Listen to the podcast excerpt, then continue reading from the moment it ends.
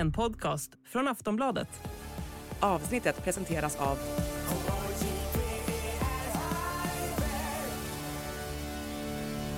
Stödlinjen.se, åldersgräns 18 år. Hej och välkommen till Höjd beredskap, en podd från Aftonbladet Ledare. Idag från Högfjällshotellet i Sälen under Folk och Försvars rikskonferens. Och med oss har vi Andriy Blachotnik, Ukrainas ambassadör i Sverige. Samtalet kommer att föras på engelska, men panelsamtalet efteråt på svenska. Välkommen! Vår beredskap är god.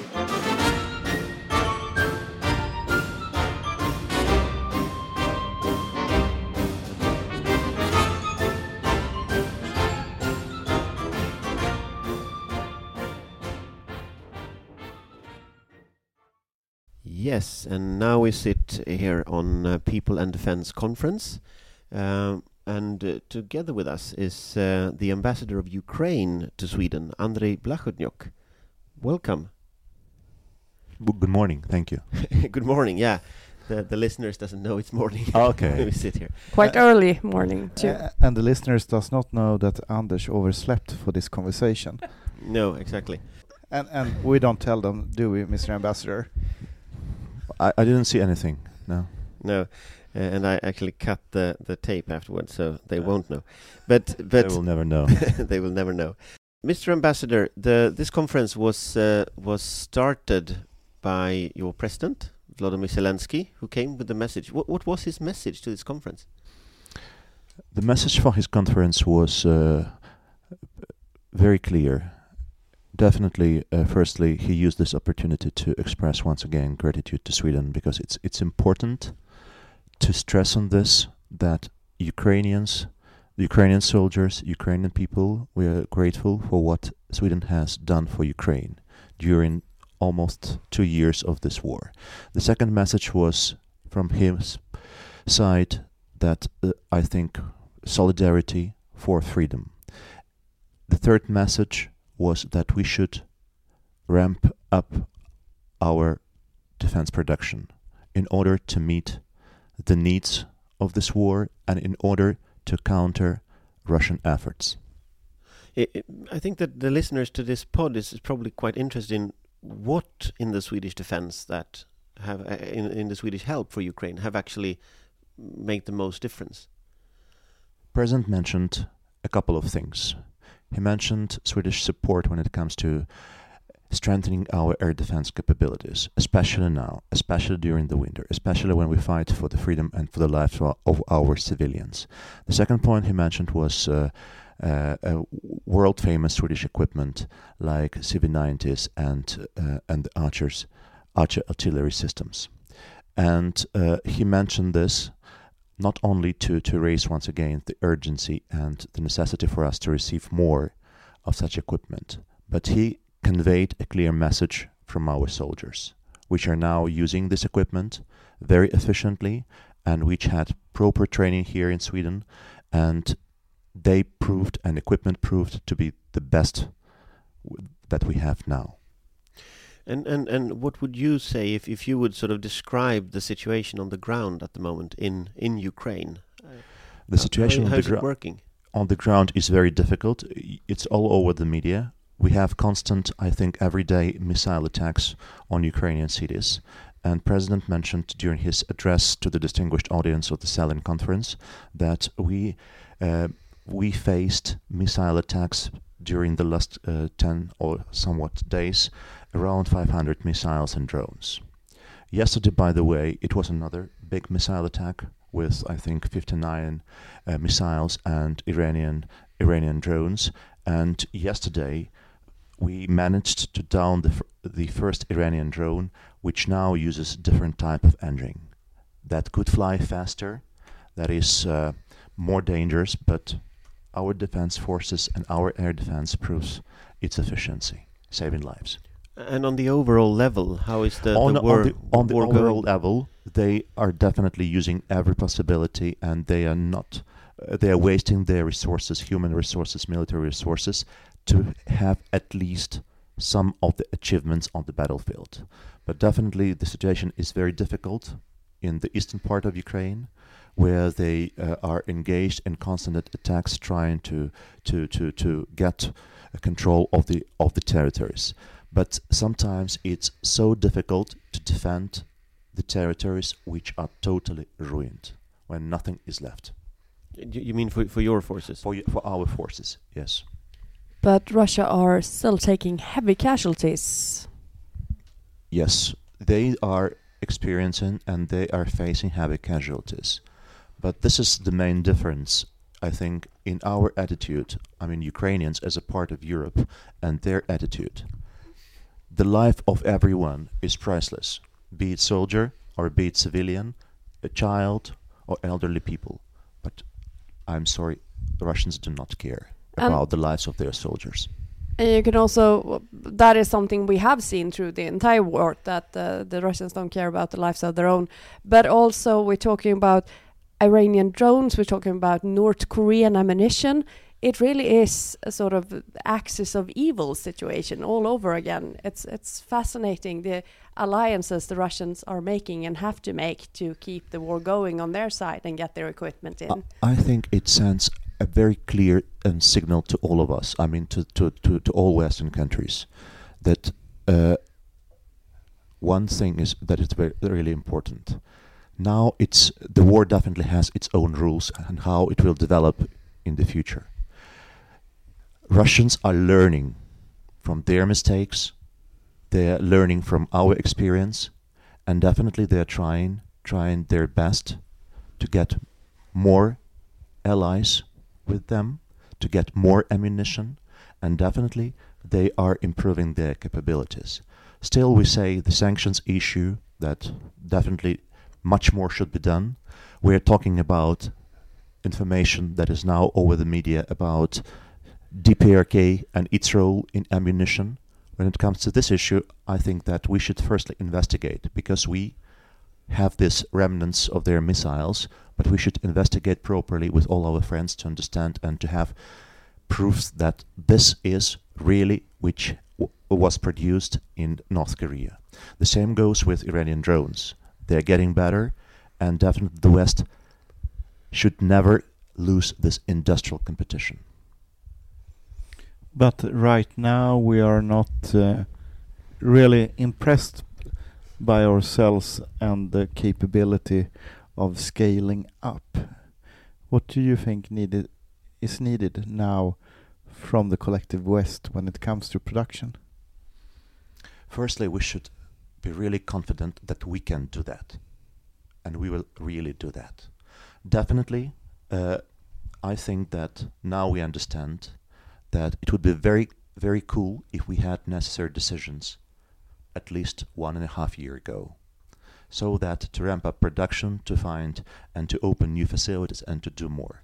Definitely, we are not happy, and we will not be happy until we liberate all our territories and free all our people and return them and do many other things uh, when it comes to legal responsibility and so on and so forth. We will be working on that. And I think this urgency of this message during the conference and the issue that my president raised, saying that, look, for us, for all Europeans, we should, we should now, among other things, concentrate on joint production. Joint production for Ukraine and for the sake of all countries for their own national security, for their own national defense, and for their overall level of preparedness. We will reach that goal. Definitely, it took us more time. But in case of Ukraine, we shouldn't stop and we will never stop. We will be working with partners, we will be producing ideas, putting on the table new initiatives, and the President mentioned the initiative on our defense cooperation with Sweden. And I think that this message was properly perceived and accepted not only by the stakeholders, by distinguished audience politicians, but also by the defense industry, Swedish defense industry. How, how do you picture yourself how that cooperation should actually look like? Uh, we, when my president visited uh, Sweden at the invitation of Prime Minister last August, uh, they, uh, they both signed the letter of intent when it comes on uh, broader cooperation on the platform of the CV90. So we we are now we are now at uh, the starting uh, point uh, when it comes to to, to, to, to the cooperation on this uh, uh, def uh, defense industry at the defense industry level. definitely, we would really want for our defense industry, which has strong potential, to participate together with with Sweden to to start produce goods and, and equipment both for both for both for both countries. Uh, definitely, we understand that there are security risks, there are constant missile attacks, but we are talking now about partnerships. Partnerships that could start with small but necessary steps. And these steps definitely, uh, they are also very, very urgent, I would say. and, and concretely, that, that means for a Swedish audience, what would that mean? Is that that sort of, sort of how much ammunition, how much CV90, how much of the kind of equipment do you need to produce? We are facing we are facing a very strong enemy, which now put his its economy and made economy a military type, a wartime economy, as we say. So they are producing. I mean, Russians are producing, and definitely facing such kind of an enemy with such resources, when he, uh, this country, Russia, has the possibility uh, still to circumvent sanctions and to bring equipment from other countries, like Iran and other countries as well. It means for us that we would require quite many pieces of equipment that we now are using on the battlefield. We're talking about huge numbers, definitely. Absolutely. It's not the about Europe dozens. Europe promised one million shells, for example. Yes. And now it's like a third of that delivered.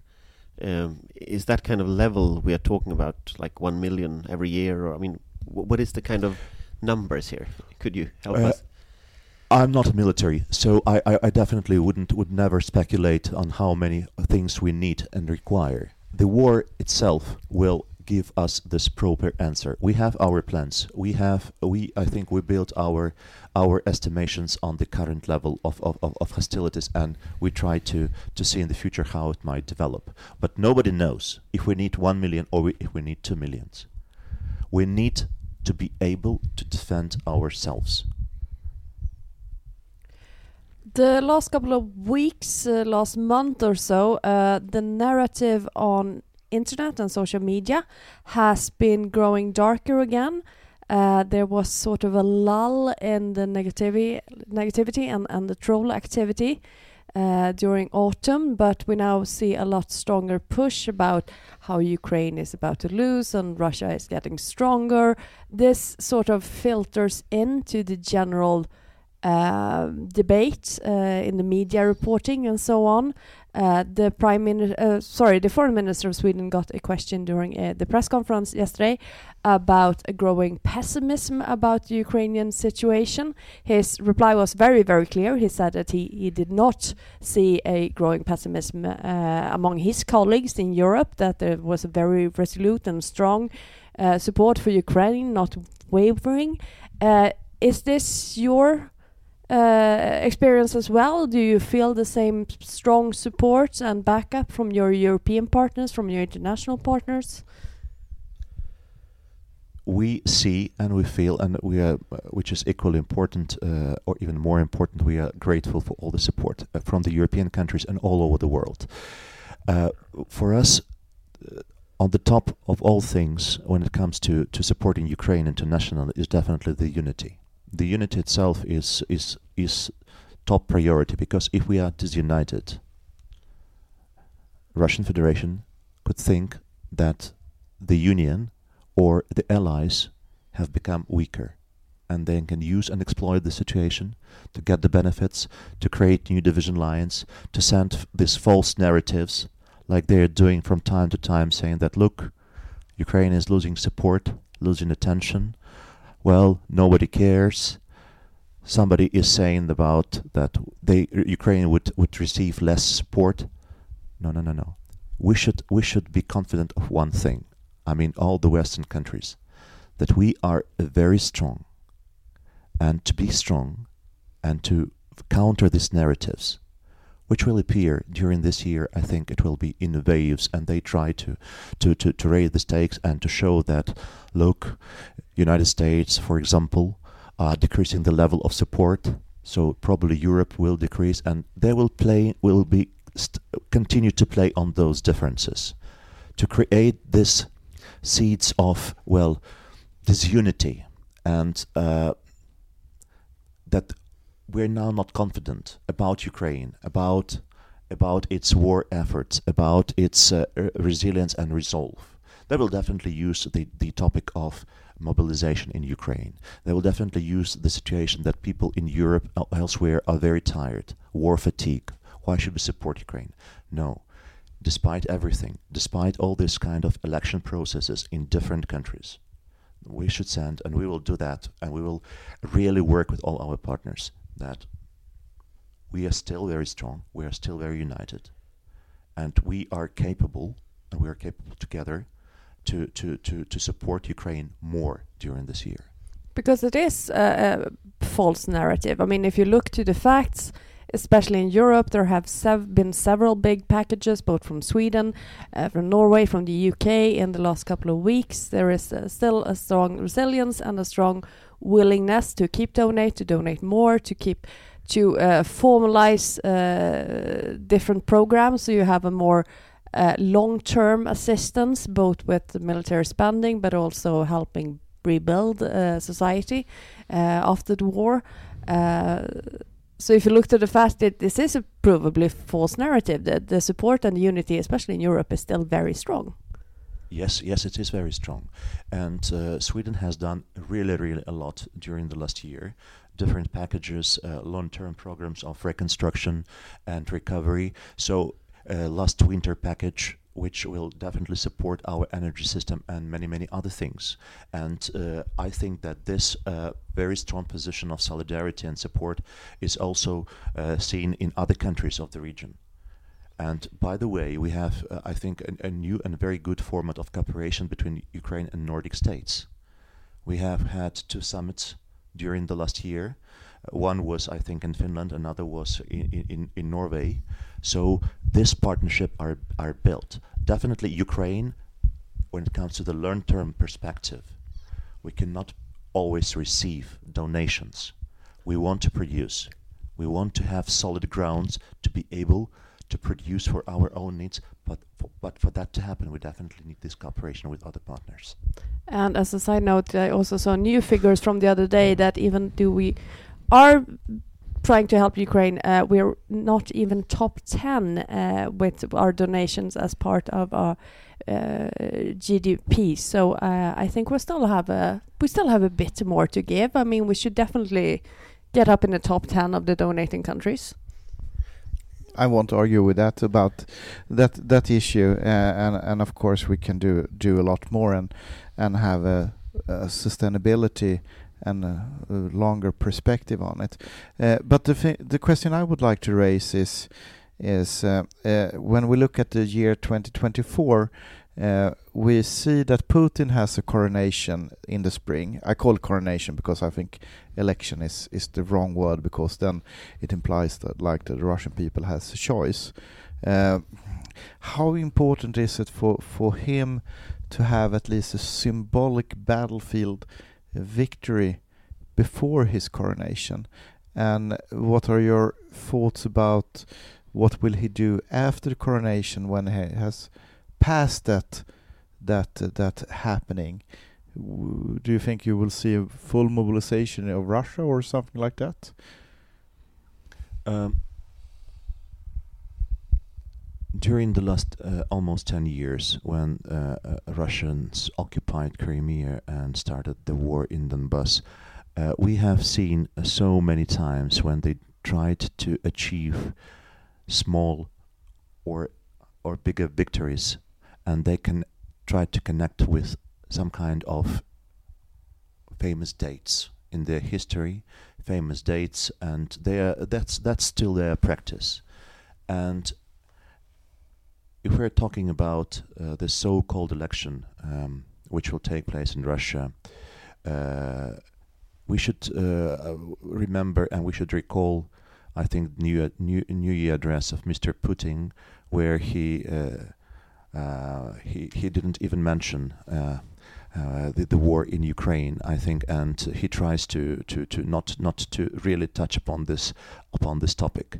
What we can anticipate, but definitely they would try and they would continue their efforts to uh, gain control of at least some of the territories where they have uh, advantage in forces, where they have advantage in ammunition, and definitely they would do everything to produce that this is a very very victory because we have even uh, settlements in the eastern part of Ukraine that they have been storming and trying to to to have control for the last two years.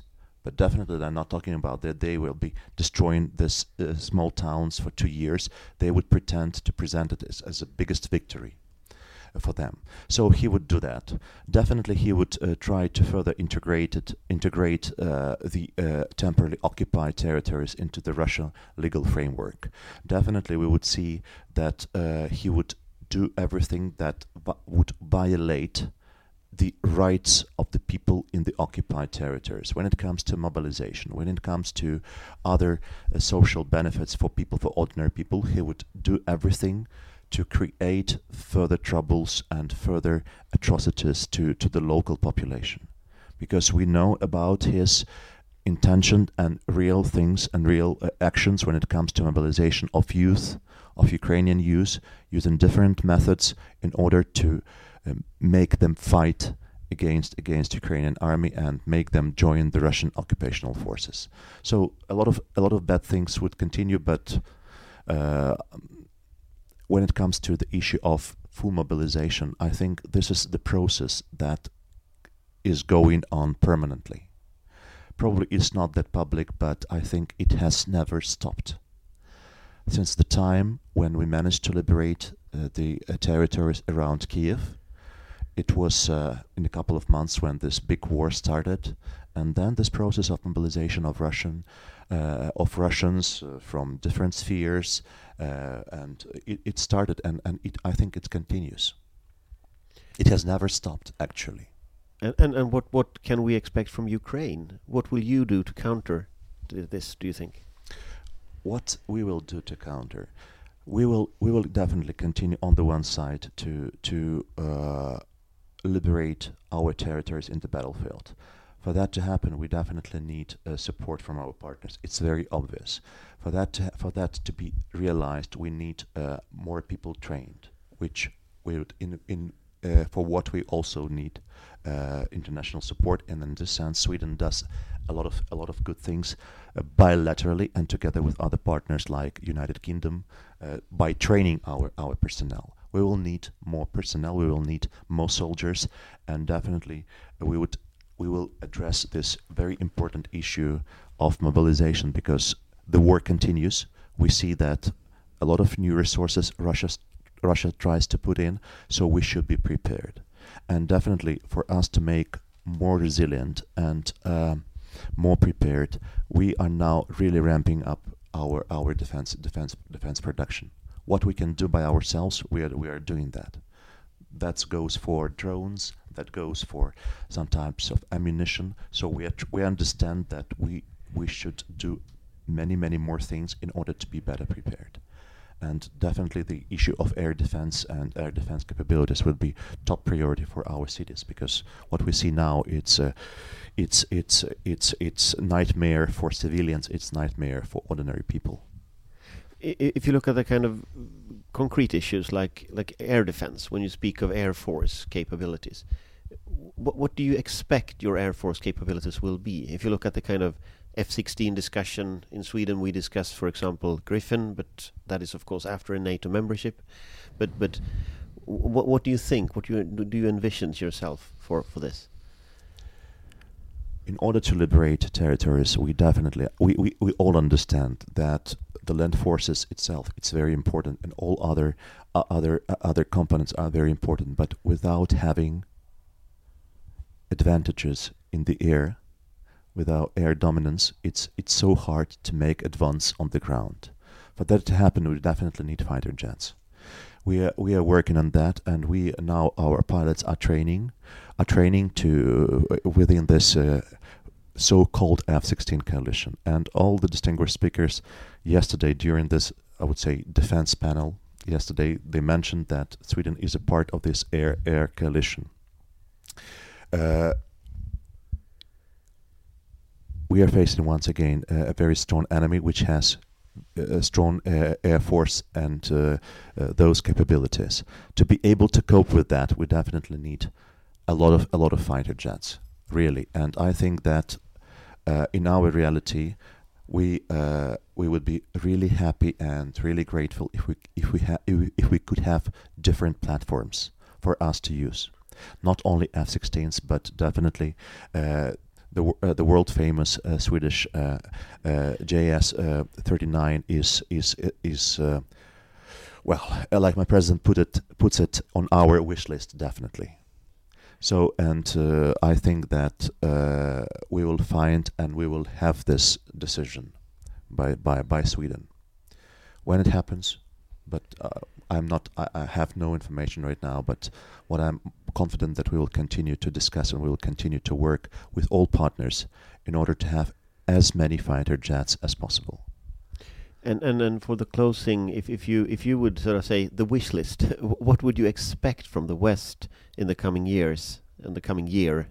Because as as everyone knows and everyone understands, or at least in this conference, is that this is not a short time thing. This is a long term process.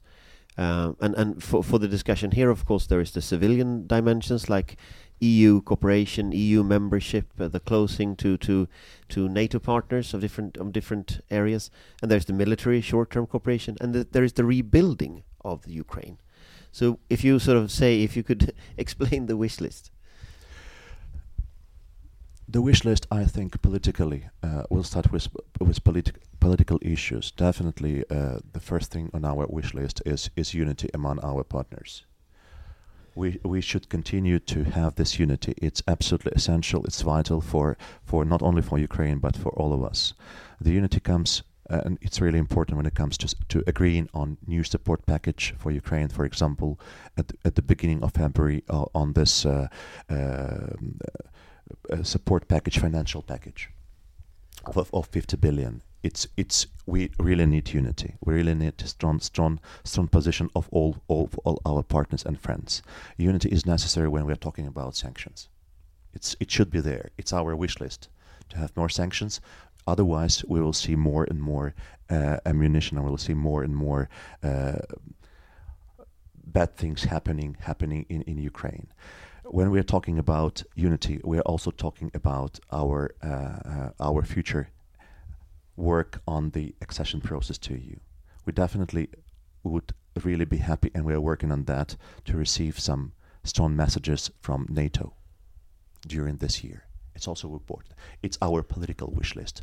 When it comes to economical wish list, definitely financial support of Ukraine so that keep our economy afloat because government does its part of the of the job national bank is doing a lot but without financial support it would be very hard for us to, to, to support to support the economy. It's our wish list economy. Economy wish list also includes the reconstruction efforts. Reconstruction efforts. For that to happen, I can refer and can make a small breach to the issue of the, the use of Russian frozen assets for reconstruction. Sweden, Sweden has always been very active when it comes to our reform efforts. Decentralization. Well, uh, many other things. Now we have this uh, five-year program which was presented last July uh, on support of recovery. So we should start with these things, but we should also be understand when it comes to recovery that to achieve their tangible results, some things should be done immediately, like immediate reconstruction of schools and other facilities. But in order to have this long-term perspective, we definitely should win the war first. Otherwise, we reconstruct something and tomorrow it might be destroyed by another missile strike. So it's our ec- economic wish list. When it comes an economic wish list, and I here build the bridge to military issues, it's our defense cooperation with all partners in different formats. We are we are sitting uh, we are sitting here at the Sälen Resort. We are talking about industrial cooperation with Sweden. If we look a little bit further, we c- we can talk about trilateral cooperation between Sweden, Ukraine, and Norway. So different formats. It's our industrial cooperation. Military cooperation, uh, the president mentioned it very clear. The first and top priorities is our air defense capabilities to save people's lives. Definitely we need ammunition. Definitely we need fighter jets. So that's about our wish list, I would say. But I think that many things on this wish list, they will, if we manage to make this wish list be, be realized, I think it will be beneficial not for, not not f- only for Ukraine but for, for all of us. Because the, the the of course many of those things that you're saying is on the way also nat- naturally. Yes. Um, but all of this goes back also to what, what Amanda was saying about the, the Russian narrative. So, my last question maybe uh, how do we counter this Russian narrative that they are winning? I'm, I'm seeing this in social media everywhere. I'm seeing this, I'm hearing it from Republican politicians in the US. I'm hearing it from, from people that, that they are sort of, the Russians are trying to play that they are winning, that is going forward. How would you say is the best way to counter it? What facts are sort of exposing these lies? Uh, partly you have answered your own question saying that Russians are trying. They are trying, they are, they are pretending, and they are sending signal that we, uh, Ukraine is losing and we are now not as strong as we used to be. What we should do, we should continue, and definitely we will prove that they are wrong. When it comes to this disinformation efforts, when it comes to this uh, uh, false narratives, we should do what we did during the last two years when it comes to fact checking, when it comes to ruining their false narratives by uh, by our our our our information, by our position, and I think that well, I'm more than confident that they they they would not succeed. They would they will continue, but is it new for for all of us? I don't think it's new. They will continue. We are ready for that. Yes, we are ready, but we will be better prepared, and we should continue we shouldn't stop and say that, well, look, probably they might be right. No, they are wrong. They will never succeed. Thank you, Mr. Ambassador. Thank you so much for having me. Vår beredskap är god. Ja, då sitter vi här efter samtalet med, med Ukrainas eh, ambassadör och eh, ja, väl kort reflektion om, om vad, vad han sa. Ska vi börja med Patrik? Det budskapet känner vi ju igen. Ukraina för en ödeskamp, en ödeskamp som inte är bara för Ukraina utan också för, för oss alla i Europa om vilken framtid vi ska ha på den här kontinenten och ytterst i världen. Vilken ordning ska gälla? Ska det gälla då den brutala starkes rätt och imperier som marscherar in och tar det som imperiet vill ha? Eller är det en annan ordning? Och eh, här blir ju också då situationen eh, väldigt tydlig med att vi som inte vill ha en ordning där den starkes rätt gäller behöver göra mer, särskilt på produktionssidan och stödja Ukraina. Och där måste vi bli bättre. Och jag tycker att den här intervjun var, var tydlig eh, och eh, vi har ju haft nöjet att ha Andri tidigare i podden förra året på Folk och Försvars rikskonferens. Och, eh, det är en mycket sympatisk man också. Amanda? Nej men det är som Patrik säger, det, det är ju få nyheter i sig men det är ju värt att påminna om i synnerhet nu. Um, det behövs mer vapen, det behövs mer pengar. De gör ett fantastiskt arbete. Uh, det är också intressant att höra för jag tror faktiskt inte bara det är artighet och vänlighet. De är väldigt nöjda med det svenska material de har fått ut och de svenska system de har fått ut. Eh, och det har man varit väldigt tydlig med. Eh, och det är också glädjande. Det finns ju även en sån aspekt i det, även om det naturligtvis är, är milsvitt underordnat att, att stödja Ukraina i just den här existentiella kampen. Det är ju också ett sätt att eh, testa och bevisa svensk försvarsmateriel i skarpt läge. Eh, och det är ju inte alldeles oviktigt. Eh, så det, det är väl det tydliga budskapet naturligtvis, att vi ska fortsätta leverera stöd i alla möjliga former. Eh, och sen är det ju det som vi hade tänkt prata lite om, eh, den här nederlagsdoktrinen som försöker spridas. Eh, men som faktiskt är ett, ett falskt narrativ, vilket han var mycket tydlig med, vilket utrikesministern var mycket tydlig med på en presskonferens här i dagarna, att detta är ingenting som åter finns alls i den europeiska ledningen och diskussionerna diplomater eller ministrar emellan, utan detta är ett konstruerat narrativ från annat håll och det är väldigt viktigt att hålla fast i det. Sen finns det naturligtvis problematik, inte minst med Ungern och eh, med eh, uppehållet i, i det amerikanska stödet och så vidare, men, men det är inget skifte som håller på att ske. Nej. Alltså det, det, jag, det jag tänker också när, när det är just Ukraina, det är ju att det, det, finns ju på något sätt två underströmmar under konferensen i år. Den ena underströmmen är ju naturligtvis att, att, eh, att den här risksituationen som uppstår, kanske en ny amerikansk administration, Ungern agerar som trojansk häst för Putin i, i liksom Europeiska rådet. Alltså det finns en stor osäkerhet som är liksom en politisk osäkerhet kring Ukraina eh, och där Sverige liksom har ett det är ett väldigt behov av ett ledarskap, att man tar ledarskap för en, en aktiv linje att, att, att, att Ukraina kan vinna detta. Så det är liksom den ena underströmmen. Och den andra underströmmen, den är ju finansieringen av det egna försvaret, att det, finns inga att det inte finns pengar. Att man har skjutit fram de två procenten eh, till, till 2028. Och, och de här två underströmmarna, de löper ju samman just i frågan om, om ammunition till exempel till, till, eh, till Ukraina.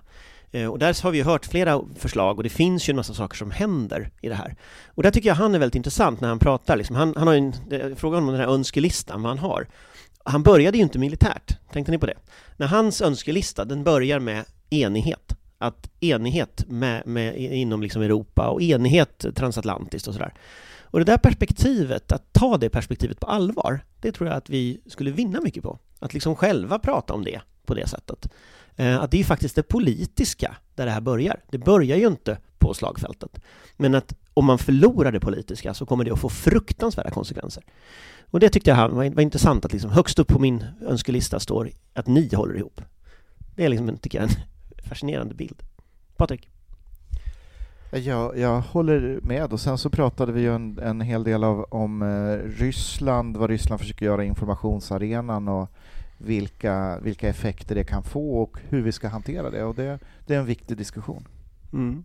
Man kan säga parallellt med, med detta att vi sitter här, eh, jag har varit uppe i Sälen, eh, så, så, så har det förts och förs nu en debatt i Sverige om att det här är en, en väldigt krigsretorik här uppifrån Sälen. Och det är alltså intressant att prata med Ukrainas ambassadör som kommer från ett land som är i krig och sen ska vi diskutera att vi är trötta på att prata om krig. Och det är liksom, ja, jag föreställer mig att han är mer trött kanske på, på det än, än vi. Eh, men vad tänker ni om den debatten som har blivit? Har, har man tagit i för hårt härifrån, tycker ni? Det tycker jag inte i, i grunden. Det som det här är egentligen samma saker som har sagts tidigare. Eh, jag påminner bara om att Björn von Sydow för sex år sedan stod här Eh, och sa att väpnat angrepp kan inte uteslutas. Men sa också att det här med risker, det kan ingen med säkerhet säga. Och, och det som har hänt sedan 2018 på de här sex åren, det är ju att riskerna har ju ökat väldigt snabbt. Och vi står i en tid där vi ser att det finns mycket, mycket stor osäkerhet och rupturer. Men vi faller tillbaka till linjäritet i tänkandet. Det blir du får förklara lite här tror jag med de här ja. begreppen. Ja, men jag, jag tar det här som exempel. Eh, vi låtsas att vi sitter här 1913 och så, så, så uh, har jag kanske fått ett glas vin eller två, vilket jag inte fått nu, vill jag understryka. Och så säger jag, hörni, vet ni vad? Tre kejsardömen kommer att störta samman inom fem år eh, i ett jättekrig och det kommer att upplösas. Eh, det ryska imperiet, det österrikiska ungerska, det tyska kejsardömet kommer att falla och det kommer bli massa nya stater. Ni hade ju trott att jag var galen, eh, därför att vi kunde inte tänka det. Eh, vi kan ta ett annat exempel. Vi kunde sitta här 1938, samma förutsättning i januari och sen hade jag dragit allting som händer på två och ett halvt år och slutar 1940 i juni när franska främlingslegionen, britterna och norrmännen driver Dietels bergsjägare mot riksgränsen. Och ni hade ju bara så här, nej, nej. Ehm, och min poäng här är att vi är i en tid där vi inte vet var vi är någonstans om fem år. Ehm, men vi förstår att det här är en väldigt farlig tid och vi förstår också att vår egen förmåga taktar absolut inte riskerna och att det är hög tid att göra någonting om vi vill göra någonting för att minska riskerna, att kunna undvika att saker och ting händer eller om det händer minska konsekvenserna. Vi har en insikt om ett, ett handlingsfönster. Och tar vi inte det så kommer vi att döma oss själva väldigt hårt och de som aldrig ens hade tänkt tanken på att det här skulle hända kommer att säga varför sa ni ingenting? Sen att vi i den här podden har tjatat oss blå, illgröna, gula, rosa, jag vet inte alla färger eh, till leda och jag beundrar de stackars lyssnare som hör det här vecka ut och vecka in, att ni faktiskt orkar fortsätta engagera er, bry er och lyssna på det här. Men, men nu för första gången så gick budskapet utanför kretsen närmast sörjande, närmast kunniga, närmast bedrövade och träffade mycket bredare.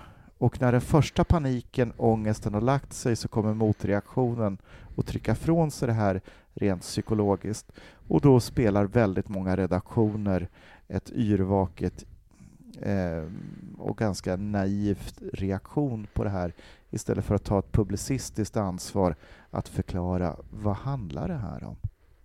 Amanda? Om jag får vara lite trött och less och synnerligen opedagogisk eh, en stund. Folk får väl ändå skärpa sig. Alltså vi har haft krig i vårt närområde i snart två år. Minst snart två år. Eh, egentligen sedan 2014. Vad är det för, eller det förstår jag ju egentligen, men, men den psykologiska effekten som, som säger att vi på något sätt skulle leva i vår egen lilla bubbla och vara skyddade, den är inte helt igenom sympatisk. Det finns någonting där om synen på oss själva och den totala oförmågan att se vår utsatthet som inte nödvändigtvis är smickrande. Och sen hela den här debatten, jag tror ärligt talat att vi får förbi hela den här militariserings och kritshetsar-idiotin som vi drabbades av kring 2014-2015. Jag är åtminstone ingen som har pratat om brussofobi den här gången. Nej, men jag har fått höra att jag är krigshetsare idag. Ja, jo, det, det, det har uh, kommit upp kan jag ju säga. Och att ÖB skulle vilja militarisera, alltså det, det är en sån absurd tanke. Är det någon... Greiders artikel i Dagens Nyheter du tänker på där att ÖB drömmer om, om krig eh, och det är ungefär lika begåvat som att påstå att Greider drömmer om att göra bjursås i Dalarna till ett butcha. man, man, ja. Nej, men det, det, det är inte bara Greider, det är ju det som är grejen. Det här är ju liksom eh, det här är väl en psykologisk effekt, det här att försöka trycka det ifrån sig, men det är så oerhört tramsigt. Är det några människor som absolut inte vill ha krig så är det ju de som är samlade här de här dagarna. Är det några som jobbar för att det inte ska bli krig så är det någon som är samlade här de här dagarna som har varnat för det här i alla år. Det finns ju ingen yrkesgrupp som i så stor utsträckning önskar att de ska ha fel om någonting som säkerhetspolitiska analytiker. Eh, det är ju det enda vi gör. Så att Ja, jag förstår att det här kanske är tufft, men samtidigt så kan jag tycka att, att folk har lite jäkla eget ansvar också, faktiskt. Alltså, jag, min, min, reflektion är, jag har försökt läsa ikapp lite vad folk har skrivit och så, både sociala medier och andra medier. Och, och jag tror att det här är en reaktion på flera saker. Eh, jag tror att det är en reaktion på den NATO-debatt som de här personerna inte tyckte blev. Eh, de tyckte inte de hann med. De flesta, tror jag, av de här debattörerna som är ute nu hade nog velat ha en folkomröstning till exempel. Så man tar ju igen lite en frustration för att utvecklingen går åt ett håll man inte vill se. Sen tror jag Gaza eh, Hamas spelar roll. Eh, att liksom det kriget har gått så långt och det är så många döda nu, det är en bit över 20 000 döda, som många inte tycker media speglar på ett riktigt sätt. Man tycker inte man ser alla liv lika mycket värda. Och jag tror det också spiller över, speciellt på TikTok-reaktionerna när jag tittade på hur, hur, de, hur de diskussionerna är här om, om, om folk och försvar. Så jag tror de två så att säga, sakerna spelar in i en berättelse om ett Sverige som går åt ett annat håll än man vill se. Och då får det det här uttrycket just nu. Och jag tror att det är väldigt viktigt att man att man tar den liksom, reaktionen nu på allvar, att man funderar igenom hur presenterar man en slags helhet? Hur svarar man på frågor, de här frågorna människor ställer? Och jag tycker Margot Wallström hade ett ganska klokt inlägg om detta eh, som diskuterade att regeringen säger ju inte helheten. Alltså de, man säger att det kan bli krig, man säger att man ska förbereda sig, men man säger ju någonstans inte vad ska vi göra åt det? Och där tycker jag, och det var en diskrepans som jag också sa på scenen här på Folk och Försvar, just att det finns en slags antingen eller, tycker jag, i den retoriken som är här. Det är en väldigt tuff retorik om att det kan bli krig, att vi måste förbereda oss, å ena sidan. Det händer nu. Och sen berättar man att vi ska nå 2% av BNP 2028, om fyra år. Och Polen säger att det kan vara dags om tre år att till exempel en baltisk stat skulle kunna bli utmanad. Eh, tre år är faktiskt innan vi skulle nå eh, 2% Och tittar vi på försvarsberedningen, och det här vet ju alla som är här, så kommer det inte att räcka med 2% så det finns liksom en, en, en, en, ganska stor skillnad, tycker jag, i budskapet härifrån. Och det var likadant vi såg, om man tar den här, den här diskussionen med marinen som vi också hade här.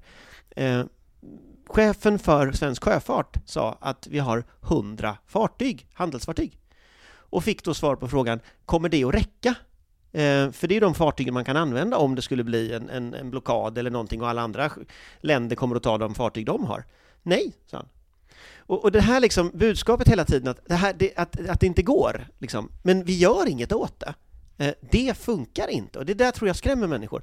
Eh, och det är lite som pandemin. Alltså säger man vilket på pandemin var vi tydliga med det. Så här gör vi. Man hade en presskonferens och berättade, det här är åtgärderna. Man kanske skulle börja igen med att ha presskonferenser från de här olika myndigheterna och förklara. Okej, okay, så här ser läget ut. Det här gör vi den här veckan. Det här gör vi och det här förväntar vi oss av de här människorna den här veckan. Så att det liksom finns en koppling mellan hotbild och action. Uh, alltså, du behöver inte, viftade. Ja, jag tänkte bara kort säga, du behöver inte predika till oss att vi behöver handling. Ja, du, du har naturligtvis en poäng, men jag tror också kanske att det, det är väldigt många som reagerar på retoriken nu som, som knappt vet vad 2% målet är. Eh, det, det gör ju inte att du har fel, men, men jag tror att det finns en annan liksom, psykologisk effekt i detta. Och, och, det är ju återigen lite som pandemin, man, om man inte pratar om verkligheten så finns den inte. Eh, och, och, jag kan väl precis som pandemin och precis som eh, diskussionen om den höja terrorhotnivån för en tid sedan och här också, jag tycker att man har varit ganska tydlig med diskussionerna om plikt om eh, att man ska, liksom MSBs rutiner om vad man ska hålla sig hemma och sådär. Och, och, det är klart att man kan bli bättre och det är klart att vi måste ha de diskussionerna. Men den här liksom ständiga kravet på att liksom sondmatas med information i lämpliga portioner på bestämda tider. Jag tycker att liksom kapabla, friska medborgare har ett eget ansvar även att förse sig med information. Och det är klart att myndigheterna brister ibland, men som sagt, att det är kris och krig i vårt närområde, det är ingen nyhet. Att man har ett ansvar som enskild medborgare, det är inte heller en nyhet. Och ingenting kommer bli bättre för att man... Jag har sett så många eh, personer diskutera att man, man, hur kan ni kommunicera på det här sättet? Hur ska jag förklara för mina barn? Och det är klart att det är jättejobbigt, men ska vi inte diskutera reella samhällsproblem för att barnen eller till och med de vuxna kan bli skrämda? Äh, vad är det fler för områden vi inte får ta upp? Terrornivån, organiserad brottslighet, pandemin, klimathotet mår ju många unga jätteilla av. Men det är ju ingen som föreslår att vi ska sluta diskutera det på nyheterna för att den unga generationen inte klarar av det och föräldrarna inte kan prata med sina ungar. Sen är det ju det som det finns en bevisad koppling på när det gäller ungas ohälsa, så är det ju intåget av, av Instagram först, eh, sociala medier, den bildtunga och nu TikTok. Så att tar vi ungas eh, rädslor och, och psykiska hälsa på allvar så kan vi börja med att förbjuda det och sen kan vi ta resten. Nu blev jag lite provokativ, men, men apropå vad man, vad man lägger fokus på. Det... Men, men där, där tänker jag faktiskt en sak, och det är att jag tror att det här har blivit en sårbarhet som en antagonist kommer att utnyttja. Jag tror att detta håller på att skapa en sårbarhet och jag noterade det här, inte så mycket NATO-debatten som var, för den tyckte jag liksom, den hanterades och, och den var vi alla med i, så att, att det inte fanns en NATO-debatt är ju inte sant, det fanns ju en NATO-debatt. Men vad, vad jag har sett väldigt tydligt i just eh, Israel mot Hamas, det är att det här skapar en typ av polarisering som så att säga andra kan utnyttja och det, där vet vi ju att sociala medier har ju varit ett råtthål av desinformation. Och jag skulle tro att här kommer antagonister att försöka utnyttja den här diskussionen vi har nu. Det, Det ser, gör de redan. ser vi ju redan. Eh, och sedan så ska vi komma ihåg att Kina, Ryssland är båda två globala aktörer på informationsarenan som försöker splittra oss och få, få det här att hända och samtidigt kognitivt göra att vi inte förmår att agera i tid. Och då går vi tillbaka till Sun Tzu, den kinesiska militärfilosofen, generalen, tänkaren, före vår tideräkning. Överlägsen skicklighet består i att bryta mot vil- motståndarens vilja utan att strida. Eh, Mm. det, det är ju... Och vi fastnar ju där istället för att börja lösa problemen. Nej, nej men det är väl just det, alltså barn ska ju inte vara på TikTok. Alltså sen förstår jag att det Nu inte tittar, alltid nu är så tittar ni lätt att... så, så fientligt på mig för att Ja, jag, jag är, för Aftonbladet är på eftersom TikTok. jag är på TikTok. Och vi vet ju också att framför allt TikTok, delvis på grund av ägande och just en aktiv effekt av det du pratar om kommer komma. Alltså, vi pratar om en kanal där, där dels det sprids grova antisemitiska lögner och myter i samband med Gazakriget, men också där det förekom någon slags trend om att bin Laden hade rätt hela tiden. Alltså, det, Den det, missade jag. det ett- Vad vad- vad hade han rätt om? Ja men det var, det var någon debattartikel han hade skrivit i New York Times innan 9-11 som en massa eh, ungar fick tag på och läste och tyckte att eh, deras ögon har öppnats och nu förstår de plötsligt. Alltså, ja men du förstår hur sjukt att, att det här var liksom Amerika eh, USAs koloniala skuld som låg bakom 9-11 och att detta var på något sätt motiverat och nu ifrågasatte de allt och alla hade ljugit för dem hela sitt liv. Och det var ju naturligtvis säkerligen orkestrerat det också för det är så fruktansvärt galet. Men, men TikTok är mer än de flesta sociala medier ett kloakhål och det är nog bra om föräldrar är medvetna om i större utsträckning därför att jag, jag tror inte att det kommer utnyttjas, jag är övertygad om att det utnyttjas. Jag har också jag har inte haft tillgång till den kinesiska versionen av TikTok för att jag är väldigt sällan i Kina av förståeliga skäl. Den kan också vara på kinesiska. Ja, den är förmodligen det, vilket inte heller hjälper. Men, men som jag har förstått det så är detta ett under av pedagogiska små videos om hur man lagar mat och gör sina läxor och är snäll mot sina föräldrar och liksom allmänt så här barnkanalen. Medan då den utländska versionen för icke-kinesisk publik är ett kloakhål med liksom desinformationskampanjer. Och jag tror inte att det bara är en slumpmässig eh, situation om vi säger så. För att prata i termer som, som gör dig glad Anders, att i Kina så är TikTok närmast ABF medan det de skickar till oss är heroin. Ja, jag, jag tror inte att det är en lösning att, att eh, om, om, många, om alla är någonstans, då, då ska medierna inte vara där. Den, den lösning, jag tror inte att det är så. så jag, tror Ja, att, men det kan jag hålla med om. jag tror att jag kommer att fortsätta vara där. Det- Eh, Du, du, fortsätt med heroinet du. Nej, men jag tror faktiskt inte att det är en lösning. Jag förstår att det är ett säkerhetsproblem i den högre skolan, men jag tror inte att det är en, en lösning. Däremot så tror jag att myndigheterna måste nog fundera på vad den här sårbarheten kommer att betyda på lite sikt. Kanske vi skulle ha en, en, en podd om, om reflexiv kontroll och liksom teorierna bakom den här typen, alltså hur man använder den här typen av instrument från antagonister som Ryssland och Kina. Ehm, Det var ett tag sedan vi hade det. Nu är det men- kanske du som ska förklara lite begrepp här. Jo, nej, alltså det är ju det är en form av, eller förlåt, ja, reflexiv kontroll är ju en, en rysk metod egentligen för att styra hur människor tänker och människor agerar. Och den är ganska lik spelteori, om man ska ta ett exempel. Eh, och när man använder spelteori, spelteoretiska modeller, alltså gamification, eh, då vet ni till exempel att, om man tar, jag kan ta ett exempel från oss själva då, Aftonbladets eh, kommentarsfält en gång i tiden hade, eh, de var, hade gamification som modell. Eh, där man alltså, om man skrev många inlägg, då blev man toppkommentator. Eh, och då eh, gick man högre och högre upp i hierarkin. Och belöningen var hela tiden att du fick ha kvar din position som toppkommentator. Och om du då inte hade skrivit på ett par dagar, då fick du ett meddelande, nu förlorar du snart din position som toppkommentator. Om du inte går in nu direkt och skriver så kommer du att tappa, och då går folk in och skriver. Och det där är som dataspel fungerar, det kallas för gamification. Jag vet inte om några av er har Duolingo till exempel för att lära er språk, det fungerar likadant. Om man inte är inne på Duolingo en dag, då får man meddelanden direkt om att man ska gå in och så. Man kan säga reflexiv kontroll är den ryska idén om hur man med olika metoder ska få människor att agera på ett annat sätt än de annars hade agerat.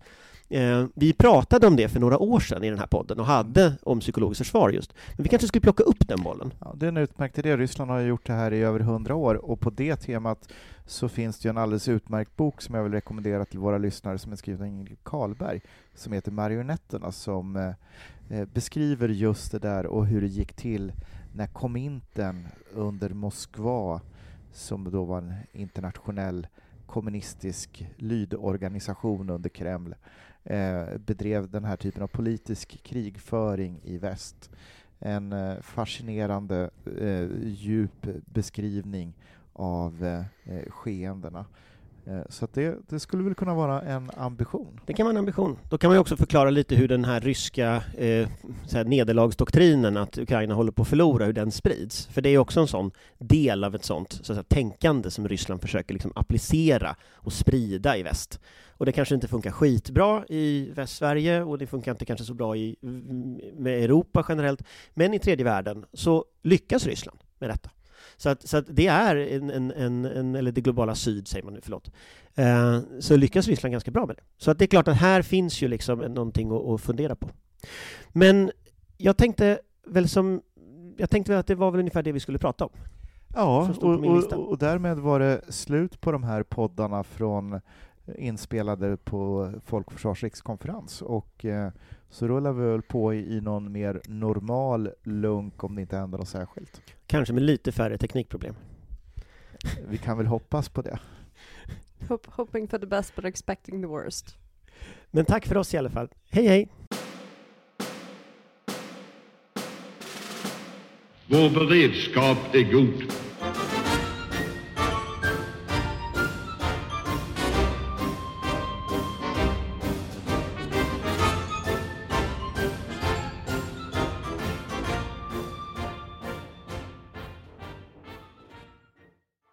Du har lyssnat på en podcast från Aftonbladet.